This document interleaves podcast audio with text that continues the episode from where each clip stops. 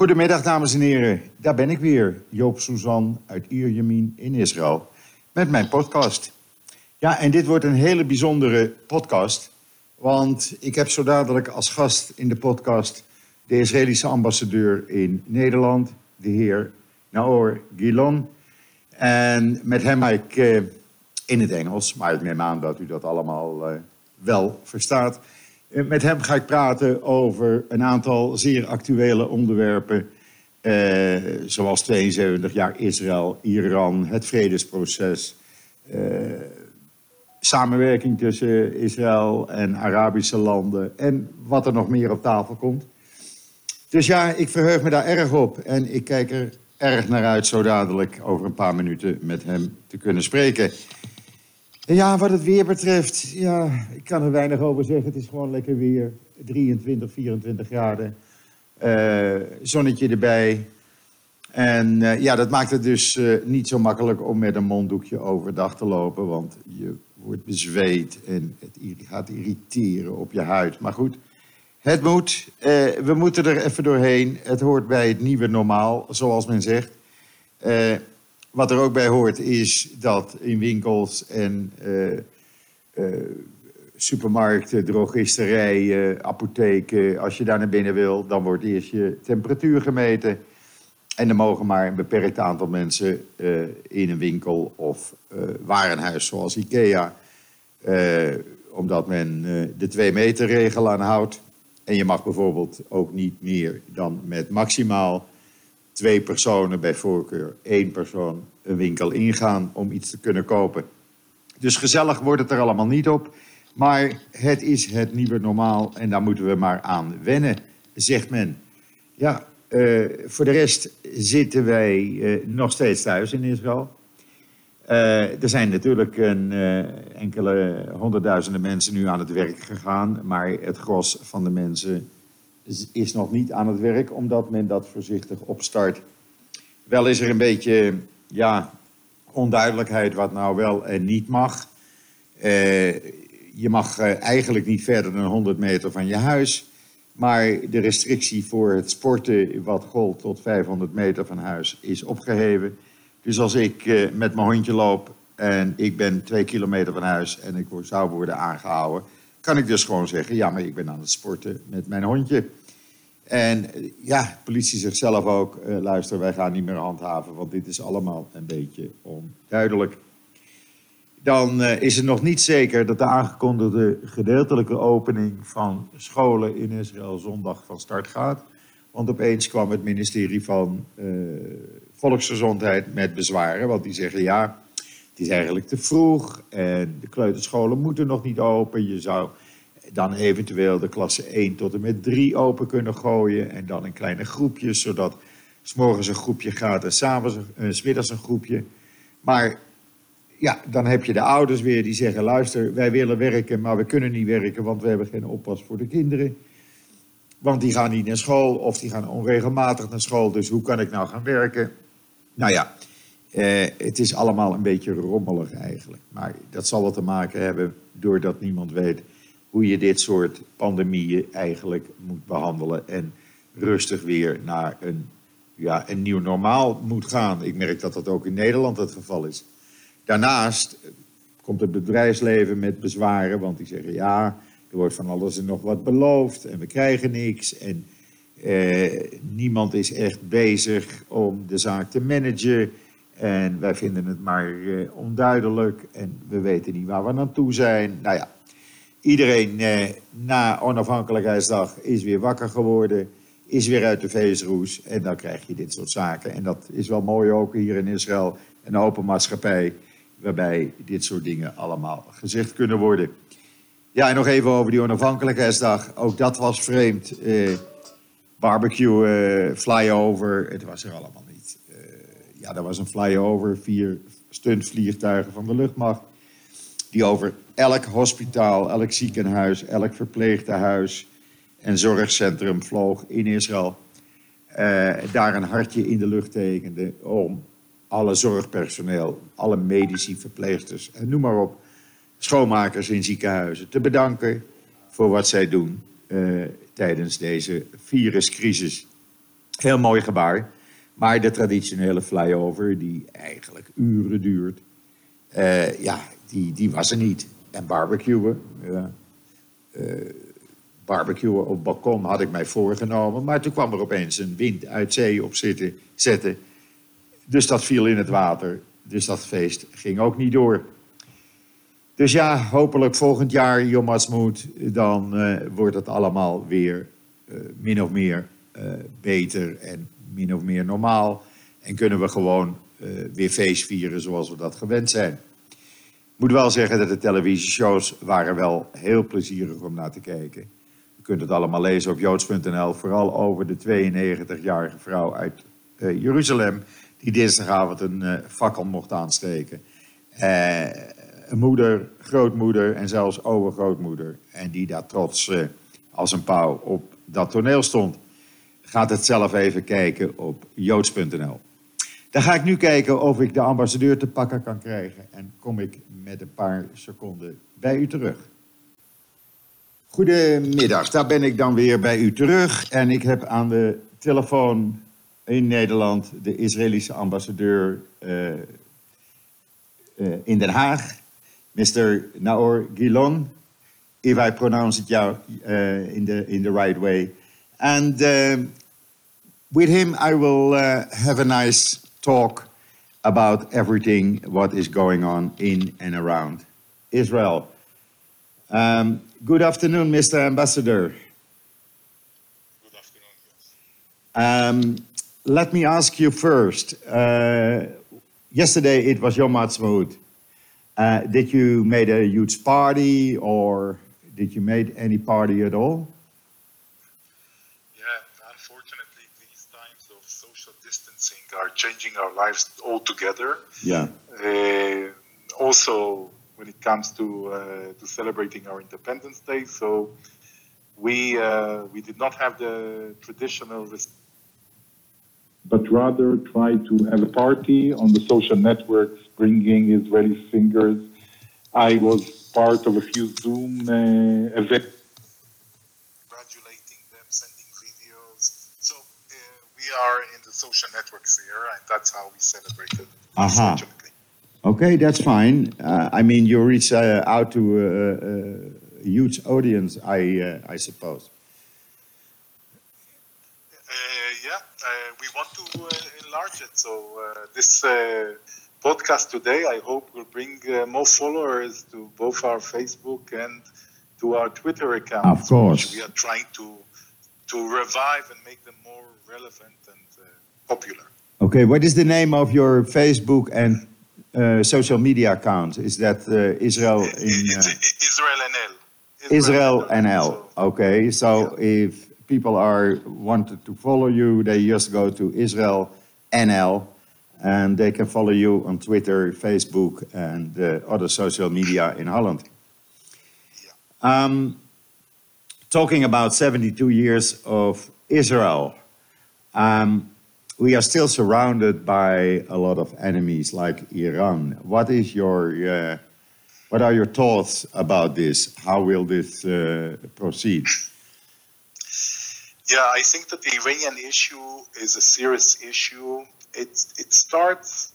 I think that the, the change here. I mean, I, have in the past I dealt a lot with the Iranian nuclear issue uh, until the the Islamic Revolution in Iran is, is everyone probably knows the relations between Israel and Iran were very good. We had an ambassador there, so things were going very well because there is a similarity, I think, between the Iranians and the Israelis, uh, being two peoples who are not uh, uh, Arabs. So the Iranians, although being Muslim, they are not Arabs, and were not liked by the by the Arabs for many years. So yes. this was maybe a, a, common ground. But since the revolution took over, things have went very, very bad, and uh, uh, from bad to worse, as we say. And uh, in the last 15 years, I think, safe to say, even more. Uh, from the beginning of the 2002, we it started uh, the information about the Iranian nuclear program became public, and the Iranians are going forward with a plan they had the J, JCPOA, the agreement with the European with the European Americans and other allies, which uh, we think had many many many faults. Uh, the Americans have this engaged themselves in this agreement in a way uh, because they thought the new administration uh, thought it's not uh, full enough, it's not giving the securities that we hoped for. The problem with the Iranian regime really is that it's working to destabilize the Middle East. It's not only about Israel. I mean, if you look at the Middle East, which during this so-called Arab Spring was, uh, you saw that the real division in the Middle East, if you, for years they used to speak about the Palestinian issue, the real division is between extremists and pragmatists. Others can say between Sunnis and Shiites because for many, many years, the Sunnis had the upper hand in the Middle East. They controlled most of the countries. And the Shiites, in practic- practicality, had uh, Iran, of course, it's a Shiite country. And then in Lebanon, for quite many years, through Hezbollah, they de facto are controlling the political system of the country and, and getting stronger and stronger. So when you look at the Middle East today, every place that you have a problem, the Iranians are there to dis- they are, I think that their philosophy will destabilize whatever is not under our control. So you can see that uh, in uh, Yemen with the Houthis, that they are fighting with them. You can see that in Iraq during the American invasion, Second uh, Gulf War, and uh, you can see that in Syria that they are involved. Uh, so they are in every place involved in order to assert their dominancy. And now, mm-hmm. just recently, we can see that they last week they fired a, a they call it a, satellite, a, a military satellite, yeah. which I'm not, I don't know how advanced is the technology of the satellite. Still remains to be seen. But what is clear is that this is a way of the Iranians to test ICBMs, inter, interballistic, uh, intercontinental ballistic missiles, missiles that can hit, uh, of course, Israel, but also Europe. Yeah. Very long-range missiles. Yeah. So you know, under the under the cover of launching a satellite, you actually are testing also a missile, which they are not supposed to do. Mm-hmm. Uh, so the Iranian issue is, is going to be with us for a while. I mean, yeah. It's an issue, and we are we hope that uh, Europe will uh, will join the Americans in putting more pressure on the Iranians. Uh, you know, the Iranians are complaining that uh, there are the American sanctions on them, that they are suffocating them, especially now in Corona times. They yeah. started the campaign of how can you suffocate, suffocate us when we economically, when we have uh, the Corona. So the Americans offered them, of course, uh, humanitarian assistance, releasing money for humanitarian etc., etc. But they, of course, refused, and they take the billions that it costs to to launch a satellite to the orbit. So yes. you understand what are the priorities? Yeah, yeah, exactly. But what is disappointing is uh, the position of the European, the European Union, who is not joining actually uh, the Americans and Israel in uh, sanctions, etc. Yeah, uh, there is a division here between how we see it, and we and the Americans on the one hand, and the, the way the Europeans see it. I think that we uh, see it as a more imminent threat because when the Iranians say that, uh, you know, Rafsanjani, who's dead already, but at, at, the time used to say that, that one missile will uh, can can uh, wipe Israel off the map. Yes. Being a ver- being a very small country, by the way, half the size of the Netherlands, more or less, uh, we take it very seriously because we understand that if you uh, join this declaration with their effort, known efforts to develop nuclear capabilities and missiles, you understand where it's leading to. So we take it very, uh, uh, very seriously. This uh, these uh, combination of threats, and also the Americans, by the way, because they are present in the Middle East, yeah. and they understand the, the dangers from Iran. Yes, yes. And and and what about? Uh, uh, the, the Palestinians, the peace process, because Iran is involved in a certain way also in what is going on in Gaza with Hamas.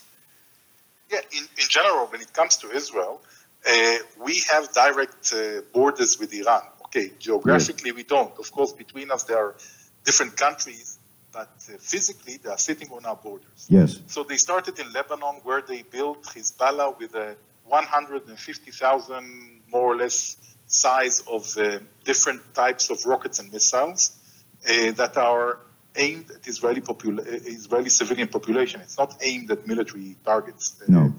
Uh, so that their whole idea is, is, is hurting the Israeli population because they understand that they cannot stand to the Israeli defense forces in a real fight. So their idea is to create a situation where there is public pressure on, on in case of war on Israel to stop. But I think that they have a problem in using this, uh, these missiles from Lebanon because they understand that we, Israel, declared many times that uh, shooting from Lebanon, we don't really care and cannot care who is shooting at us. We will respond against Lebanon. And they understand that our ability, and they learned it already uh, uh, in the second uh, Lebanon war, that our ability to create damage is, uh, is very, very big. So they understand that if they don't want to lose their political position, position that they invested a lot of time, money, and effort into getting in Lebanon, the control, de facto control of Lebanon, uh,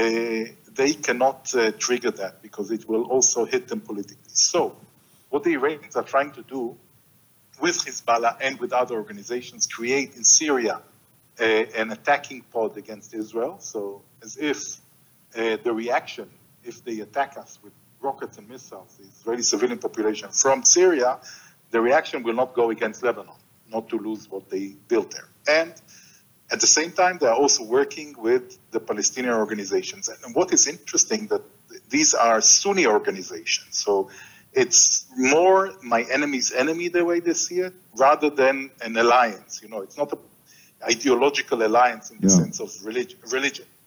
So they are trying to uh, provide both uh, Islamic Jihad and Hamas with the capabilities of hurting Israel. They give them the technology, they give them the rockets. Uh, we, we caught shipments in the past, Karine. So they are trying all the time to uh, give them the ability to hurt Israel. Uh, and their idea is not constructive in any way. So it's not that they are pushing for something positive. They are trying, as I said, to destabilize wherever they are. They can if they don't have de facto control. And that's, that's the phenomena we see also vis-a-vis Israel. Yeah.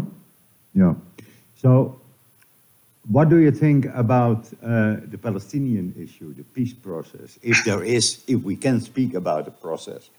I, I noticed that in the past week there is a lot of cooperation between Israel and the Palestinians fighting the coronavirus. Uh, I think that this is a positive thing to see, and will this influence uh, the, the, the future negotiations. What do you think? Yeah, first of all, I, I totally agree with your observation. I think that the de facto cooperation between us and the Palestinian Authority, and also we help the UN to, to implement a, a assistance plan, Corona assistance plan to Gaza. Yeah. Uh, so we enable them, we help them, we encourage them, uh, whatever was needed because we understand as well as everyone does that corona does not recognize borders so no. we live in the same in the same geographical uh, spot and uh, corona and, and, we are inter integrated especially with the palestinian authority by the way in a, in a very positive way because a big part of the palestinian economy is derived from people who go and work in israel and, and, and earn very good salaries yes. uh, in comparison to what they could earn if they would find a job in the Palestinian Authority, mm. under the Palestinian Authority part. So this is one element. Another element that there is a lot and people don't know about is medical staff. So uh, many people know already, I think, because it's it's published that we have many Arab Israelis in our in our medical staff, doctors, assistant, assisting staff, nurses, everything. I know. But but we have also many Palestinians, not, not in the same numbers, but we have quite many Palestinian medical assisting staff and, and others who are helping. And so they are working in Israel in the most delicate uh, situation, very complex. We also gave some uh, uh, instruction and equipment, whatever is needed, to uh, medical staff in the Palestinian Authority. so I, I, think that the cooperation was very good, but it does not mean that this will push us forward to the back to the peace process. I think that the peace process was derailed, and we can speak for many hours on why it was derailed. But somehow the the need to go back uh, is clear, I think, for many. But I, am not sure that the conditions are there. I think that uh, there is a problem of legitimacy of the Palestinian Authority leadership without elections already for like maybe 14, 15 years, I think, since last elections uh, were held uh, for the presidency. I think that uh, uh, there is a lot of to do in the economic side to build. There has to be a lot of state building on the Palestinian side. I cannot see Israel having a peace accord with the Palestinian uh, if it's not a well-established uh, uh, apparatus there, yeah. because we cannot afford ourselves to create another failed state, no, another exactly. terrorism and corrupted, no. and th- this will not work. So no. once we get to the situation where the Palestinians take control, full control of what they have, and I, we must remind everyone that uh, the Palestinians have civilian control over over 90% of the Pal- Palestinian population uh, uh, in Judea and Samaria. So uh, by the Oslo Accord still, ter- by territory less, but by control, that's how it was divided then, that they get as the maximum control over population, civilian control, I'm speaking. So uh, I think that uh, we need time, we need process to ride, but we we can do a process by help by the Palestinians doing the state building, Israel helping them in that, yeah. and uh, you know with time, as long as both sides feel that it could be worse, and I think that also the Palestinian people think understand that the situation they have today economically otherwise until the corona corona is like a game changer for the whole world but until the corona, they had a reasonable, everyone, we and the Palestinians had reasonable good life. And, uh, and they understand that, you know, I think everyone who is moderate understands that political processes take time. In Europe, it took hundreds of years to achieve peace. I hope it will not take us hundreds of years to achieve a solution, but it can take us a little bit more time as yeah. long as we are still going towards the target of solution at the end. Yes. In my opinion, it, what will help too is when there is a new generation of Palestinian leaders, you know, uh, younger people uh, who understands more about cooperation with Israel and that they cannot do without Israel. Uh, I, I, totally agree with you. It's clear that uh, it's very hard to, to teach an old, how, what is the say, an old horse new tricks or something yeah, like that. Yeah, yeah, uh, you know, you, you have a leader who, beyond the fact that he was elected so many years ago, he's 84, 80 something like uh, Abu Mazen, yeah. Uh, and the people around him are the same group for years.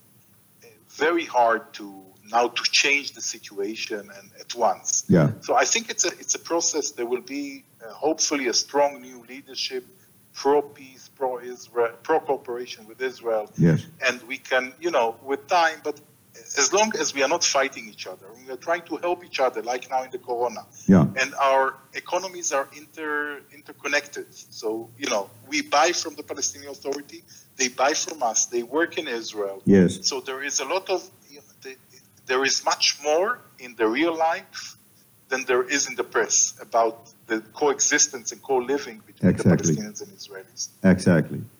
And what about um, uh, uh, no? Let let's say it like this. I think what will help in the whole process is uh, let's say the contacts Israel has more and more with uh, the Gulf states, with Saudi Arabia and other Arabic states uh, in the area. I think this will help too the Palestinians to understand that Israel is not the enemy? Yeah, I, I think that uh, there has been a tremendous change in the Middle East, also thanks to Iran, because for many, many years, the Palestinian issue was used by different regimes in the Middle East as an explanation to the people for their own hardships, their own pro- internal problems.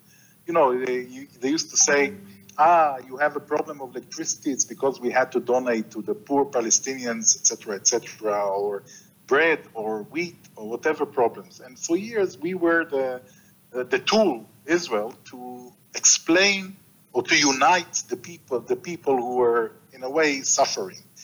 I think that the Gulf War, also new leadership in some of the Gulf countries, young leadership, different, differently oriented, uh, they understood that the main threat to them is really Iran. That's, I think, how they see it, uh, the Gulf countries, Saudis. And they understand that uh, in this war, Israel is probably the strongest ally they have because we are not going to uh, go away. Uh, we are going to stand our, our grounds and not let the Iranians uh, take over. So they see Israel as a partner.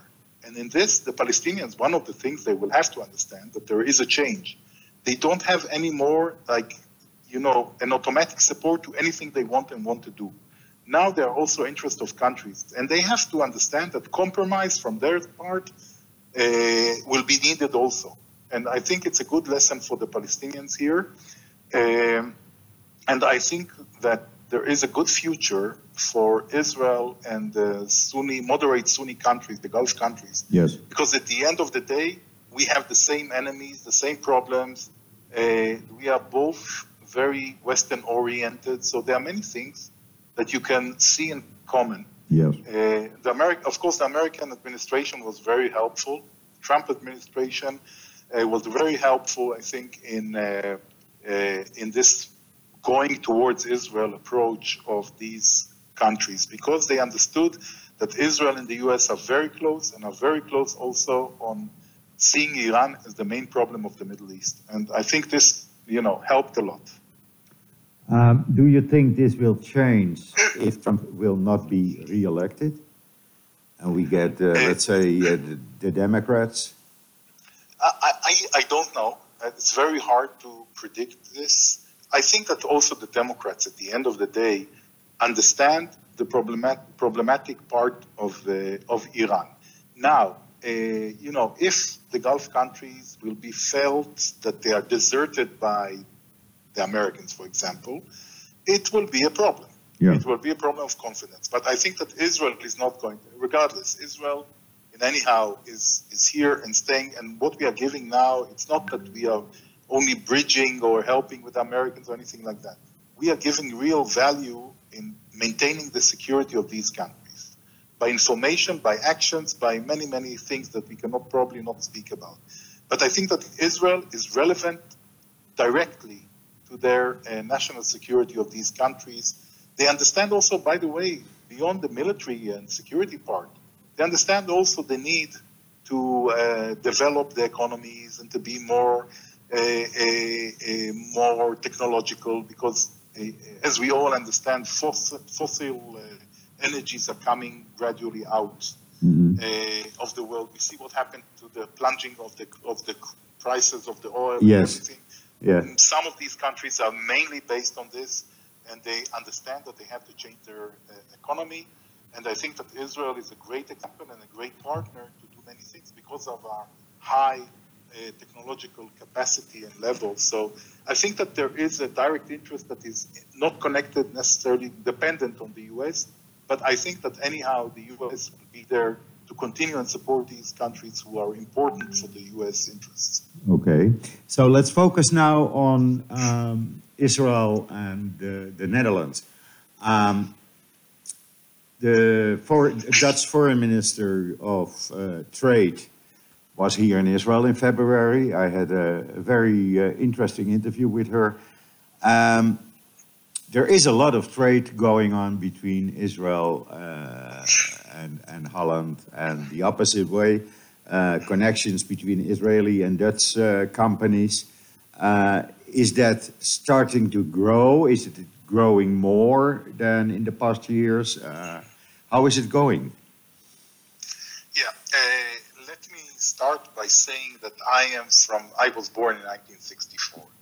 And I'm from the generation who remembers, still remembers, the outstanding relations of the 60s and 70s between the Netherlands and Israel. Yes. The Arab boycott after the after the Yom Kippur War, uh, the winning, the, the losing at the finals in '74 of the Mondial to uh, of the Mondial to Germany, yes, etc., etc. Johan Cruyff and the whole thing. Yeah. So I grew up on a very, very special relations between the Netherlands and Israel. I think that remnants of these very special re- relations are still there. I think that the relations have uh, matured in a way to uh, less emotional and more practical and rational. I'm not saying it's always good. I don't think that we have the closeness that we used to have then, but we still are very close allies. I think this is very important to say. And this goes to different fronts, also the economic front, uh, but not only. And uh, uh, yeah, our trade was doing very well. There is some kind of distortion in the trade always that Netherlands has, most countries, uh, due to Rotterdam port. Yes. So some some of the trade is really trade that is going out. So either uh, uh, out of the Netherlands, other either trade coming from Israel exported, let's say, to Latin America, going through the Netherlands through Rotterdam as a transit, let's say, or coming into Israel from, let's say, United States, going through Rotterdam. It happens. So there is a 10, 20% of uh, a, a distortion probably in the numbers that are not direct but are there. But having said that, the relations, economic relations are still, the Netherlands is one of the biggest trade partners uh, with Israel, uh, one of the biggest countries uh, trade in all fields, but also in chemicals, in services, everything. Uh, you know that, uh, I guess that you know that, I think that the biggest uh, Dutch company in Israel is Philips. Yes. They bought, they have like three companies in Israel, totaling over 1,000 people. A lot of the medical imaging stuff is done in Israel, developed and manufactured. Yeah, in Haifa. So, in Haifa, a very nice project. Yes. Uh, and uh, so there is there is huge cooperation going on between Dutch people and Israeli people. I don't say even the governments. That on the people to people, people to people, yes. level. Yeah. Yeah. And I, I, and again, the Corona will affect. I'm speaking pre-Corona because Corona is going to be a game changer for the whole world. So it's very hard to play it in. So until yeah. the Corona is the situation that I'm describing. Uh, and and I think that uh, we are also a little bit trying to promote cooperation on uh, between startups, innovation, etc. And the, the, visit of Sigrid Kaag that you mentioned was uh, unfortunately replacement to the visit of uh, of Prime Minister Rutte in Israel. Yeah. He was supposed to go, yeah. but because because there wasn't an Israeli government, uh, to uh, because we had three election campaigns. Uh, yeah, it's a caretaker government. yeah, so so because because yeah. of this, we could we had to postpone and again and again the visit of Rutte with uh, Minister Blok and Minister Kaag and with the group of businessmen. That was the format that was thought of, and maybe some other ministers. So we hope that this will happen soon. And as and the visit of Sigrid Kaag was like to maintain something. So she went with business people. Yes. Because the Dutch side decided, and I think they, they were right, that it's too long between the government meetings, the, the prime minister's meetings, because of the political situation in Israel. So that was a, an alternative. But I hope that now we are going to have a government in Israel and we can resume these periodical, once a year, hopefully, meetings between prime ministers and a few. We call it government to government. Yeah, yeah. Because we bring a, a big number of of uh, of, of, ministers, and and the business part is very big too. So in general, uh, I would say that really we have mature and good relations with the Netherlands. Today, Germany, I don't know if you follow, just today they have declared that they are acknowledging or uh, uh, including Hezbollah, all of Hezbollah, yeah, yeah. In, in, the terror list. It's very and, important. Uh, very important, but the Netherlands already did it, or at least in the way that the Netherlands, uh, uh, way back, yes. declared that they don't, do not accept any division between the political and military wing of the Hezbollah, which is, of course, natural, because yeah. there is one leader, Nasrallah, that is controlling everything. And there was like a, very hypocritical approach of some of saying, ah, no, no, we have no problems with the, the political wing. There are politicians, there are ministers, there are whatever in Lebanon, but we will not have contact with the military wing, which is, of course, uh, uh, really artificial and unacceptable. Yes. So uh, the, the Netherlands was more advanced. Also, the UK was there, by the way, more advanced. And now I see that Germany, and hopefully there will be others to follow suit in the European Union. Okay. Um, then one last uh, point I want to discuss with you. or want to hear your uh, position on this. Uh, recently, we notice more and more anti-Semitism, not only uh, in, in the Netherlands, of course, but all over the world. But the situation in the Netherlands is also uh, going uh, yeah, worse, actually, as it was. Uh, anti-Semitism is more in the open. Uh, hatred of Israel, it's more in the open. Um, what can you, as the embassy, as the ambassador, do uh, against this phenomenon? Because it's it's worrying, worrying. Yeah, I first of all I, I uh, accept your uh, observation. I do think that uh, as we used to define in the past, speak of anti-Semitism as a phobia, something which is a disease. Yes. Disease because it's unexplainable. So you cannot explain why is the situation. Uh, it's always there. Anti-Semitism is always there, and it always has been there. I mean, always not. I don't know, not from the first day of this world, but in the last few hundred years, it was always there. Uh, today, we have a situation where the anti-Semitism is becoming more complicated. More complicated because we have the old anti-Semitism, the traditional one that we know, some rooted also in in uh, in religious beliefs, some not. But the old religious one, Nazi regime uh, example of anti-Semitism. So this old anti-Semitism now is coupled with new anti-Semitism, which is brought sometime to Europe by uh, Muslim immigration, because they have a problem with the Jews. Uh, sometimes it's also religious, sometimes it's political with Israel, but they see themselves in conflict with the Yeah. Jews. Uh, and so you have these two kinds of anti-Semitism. I served before as ambassador to Italy, and uh, it was amazing to see that extreme right and extreme left could agree on one thing: that they hate the Jews or they have a problem with Israel, or something like that. Uh, and, see it around Europe, by the way. That the only common uh, denominator of these extremes is uh, uh, Jews and Israel hatred. Now, uh, I think coming to the situation today in the Netherlands, and, and of course the Corona, by the way, Yeah. made it worse because Yes. bad, ti- bad times bring bad, uh, you know, bad vibes and bad situation. Exactly. And it always and it goes now as the worst will become the economic situation, the more anti-Semitism uh, will be will be felt.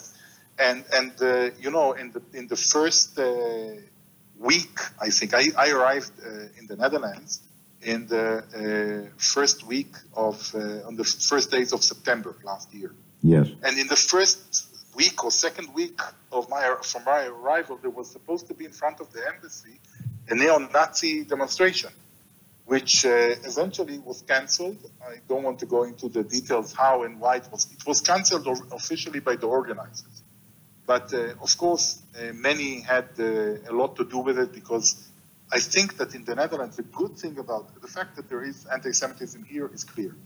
I think that uh, probably lower than the European average because in general the Dutch are more tolerant uh, as people to every you know for di- for different people, not not only for Jews, for for people who are not in in the mainstream. Let's say it can Mhm. be immigrants, it can be gay, it can be whatever community which is different. Yeah. Uh, the Netherlands in general is more tolerant, but we do have anti-Semitism here. I think that the regime, that the, the government here is very much aware of it. I, I don't only think, I know it's very much aware of it. I think that most of the political parties are very much aware of this and uh, do not tolerate it. So even parties who don't like Israel, and there are some parties, they understand that they have to distance themselves from anti-Semitism.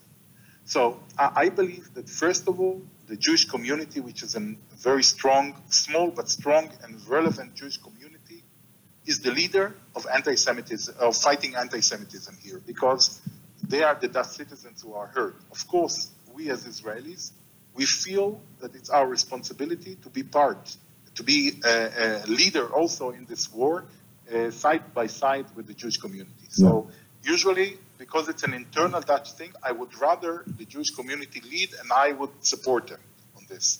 Sometimes I would, if I would see that there is a need, we would go and do the lead on this. But I want to say anti-Semitism is unacceptable. I think most political and social players here understand that. it's a minority which has to be thrown, no, not accepted in the society in general. Mm-hmm. People who speak in this way, because if you are anti-Semite, you are anti many other things too. You know, it starts with the Jews, it ends with other people. Yeah, you know, exactly. you remember the poem when they came to take the gay the, the gay people, I was silent because I was not gay. When they came to take me, yeah. I was silent. But when they came to take me, there was no one to speak for me. Exactly. So you know, uh, this is this is the I think that uh, the same you know hatred in general is not a, is not a way. It, it, cannot be a way of living and conducting yourself. No, but what is, what is what is uh, disappointing that, and we wrote about it this morning in uh, in, in about the youth uh, group within the Forum of uh, Democracy uh, who clearly made anti-Semitic uh, pictures and, and, and sentences, and they, they discussed it among themselves, and that, that worries me, because yeah. these are young people connected to this party who, in a couple of years, maybe are in the, in the parliament. Yeah, uh, so I would react. First of all, as I said before, anti-Semitism exists. Yeah. Even if people feel that it's politically incorrect to do it, exactly. or they feel that they can do it in a WhatsApp group because no one sees them, this is something else. But anti-Semitism co- uh, exists everywhere, including in Japan, where there are no Jews, by yeah. the way. Yeah. But uh, also in the Netherlands, maybe in different levels, but also in the Netherlands. Now, coming to this specific issue of this morning. So I, I you know, I, uh, uh I met with uh, Baudet, yeah. Uh, who is a who is a great supporter of Israel, by the way. Uh, his views publicly spoken very lately in support of Israel, etc. I, I'm I, I, think we should be encouraged. First of all, we should be discouraged that there are things like that happening. We should be encouraged the fact that the whole political system, including uh, from the party itself, uh, went against it and said to expel these people out. I think this would be, you know, we cannot prevent people from being anti-Semitic, uh, but we have to uh, make it abnormal outside of the of the uh, accepted uh, field. So you know, I cannot control thoughts of people, no. but I can. And and when I came, by the way, to the meet to, to meet some of the party people, in, when I came here, I mean, months ago, uh, there are not only Jewish people within the party, but also former Israelis, by the way, there.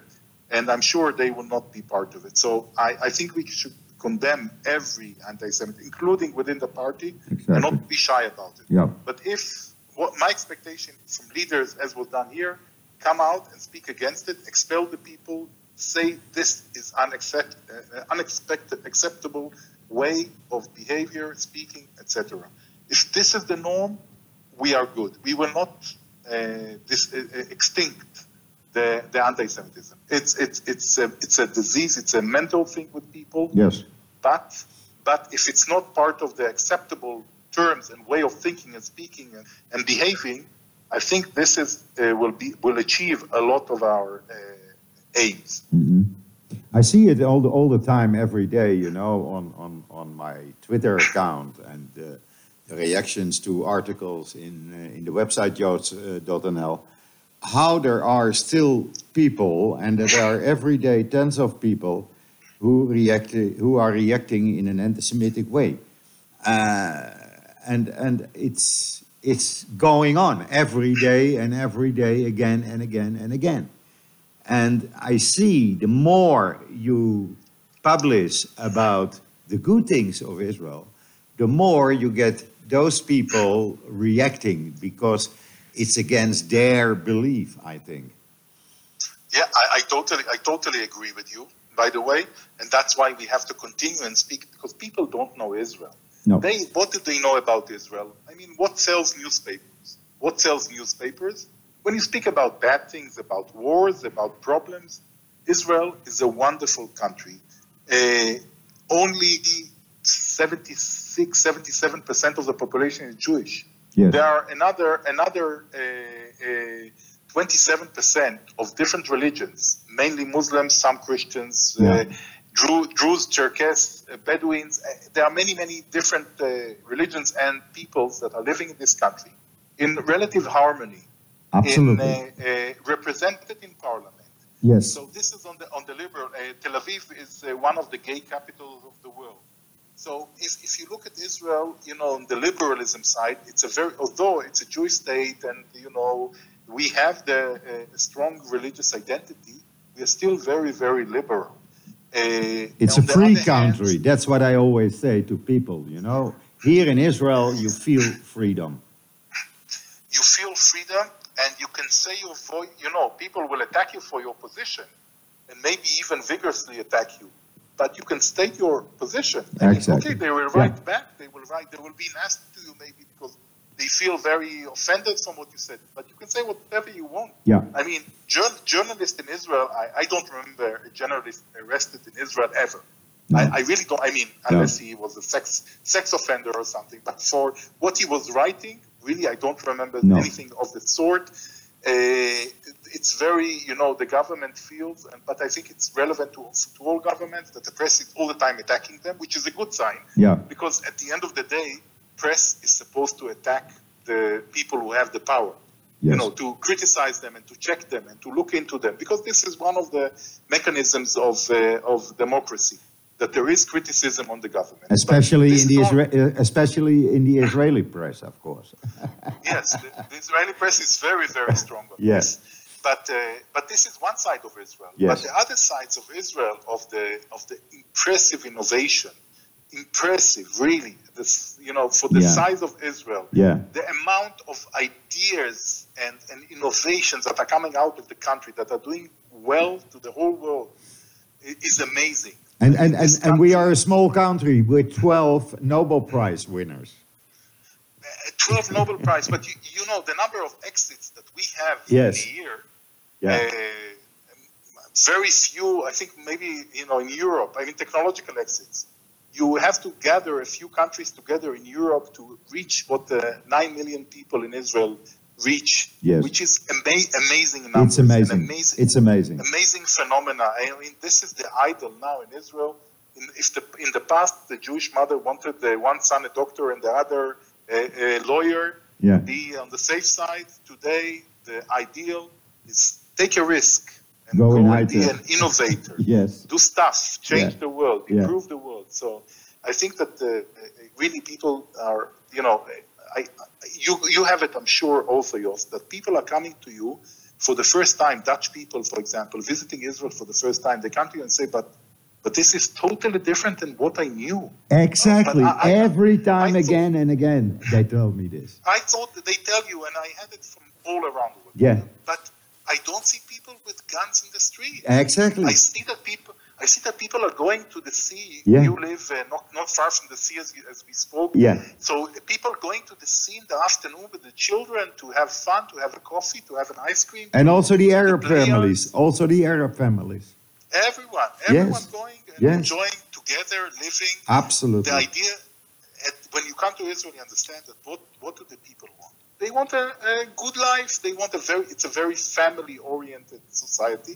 Both the Jewish and the and the Arab, by the Yeah. way, very family-oriented. Yeah. By the way, the level of culture in Israel, so we, is also something that is remarkable.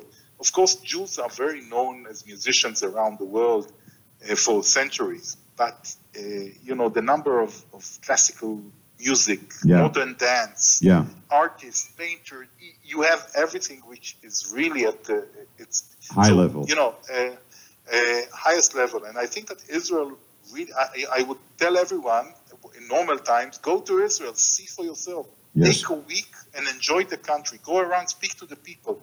Everyone, Jews, Arabs, whoever you want to speak to, it's it's open and go and ask them. Yeah. Because by the way, now I saw, uh, I think you mentioned it also in one of your tweets that there was a survey that over 70% of the Arab population, Arab Israelis, Yeah. are uh, very satisfied of being Israelis. They don't want to be Palestinians. No. So they don't want to be in any way attached. They feel connected to, to the country. They are very much connected to the country. And uh, Yeah, and, and we see it more and more. Like, Yes, we see it yes. more and more. No, more and more. Vo- I see it every day. To military service. Yeah, I see it every day, believe me.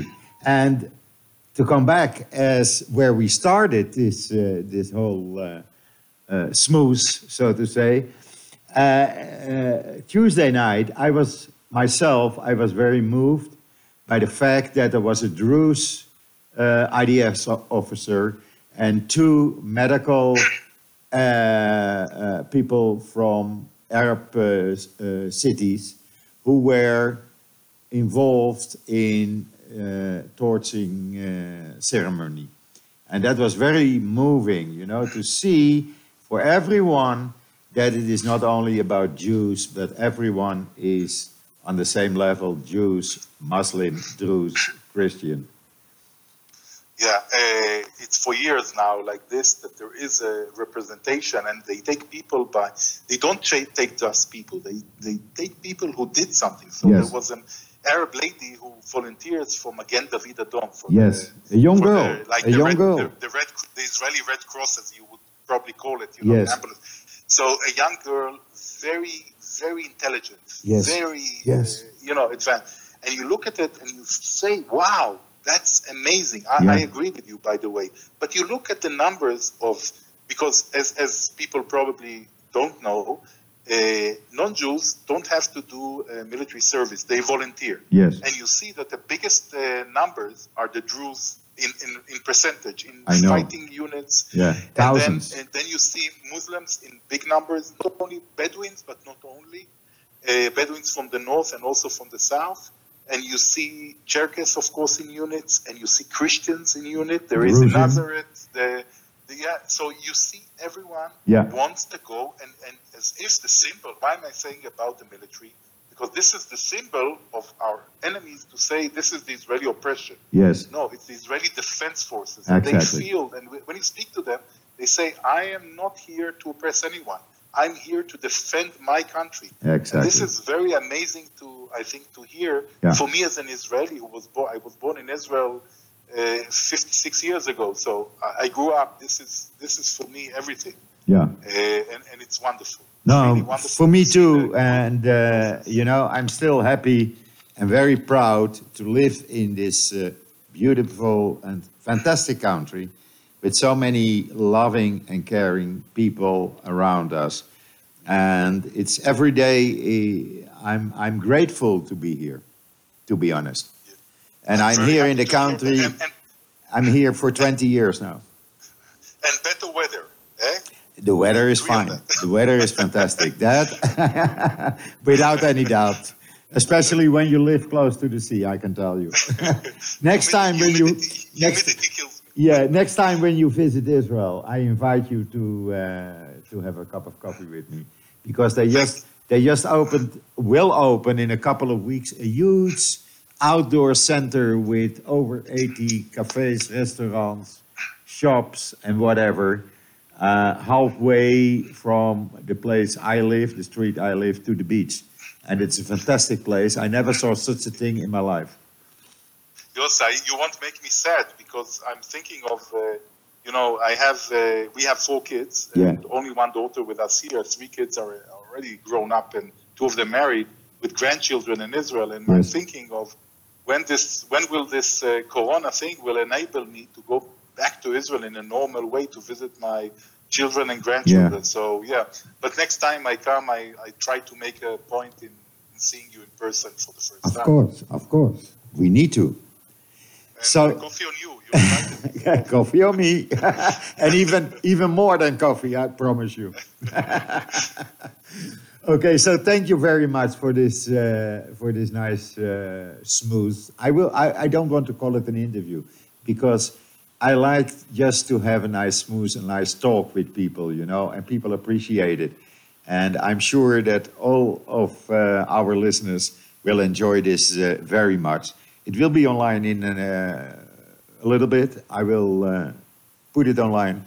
And uh, again, thank you very much on behalf not only of myself, but everyone who will listen to this uh, podcast. Thank you. It was really a pleasure Okay, thank you very much. bye bye. Bye bye. Zo, dit was eh, een lang, maar hopelijk ook voor u interessant interview met de Israëlische ambassadeur in Den Haag, Naor Gilon. Wat mij betreft wens ik u alvast eh, een Shabbat Shalom vanuit Israël. Een heel goed weekend toegewenst met een beetje goed weer. Hou het vooral veilig. Hou twee meter afstand. En eh, keep it safe. En ik zou zeggen, ik ben er maandag weer. Zo, tot ziens. Tot maandag.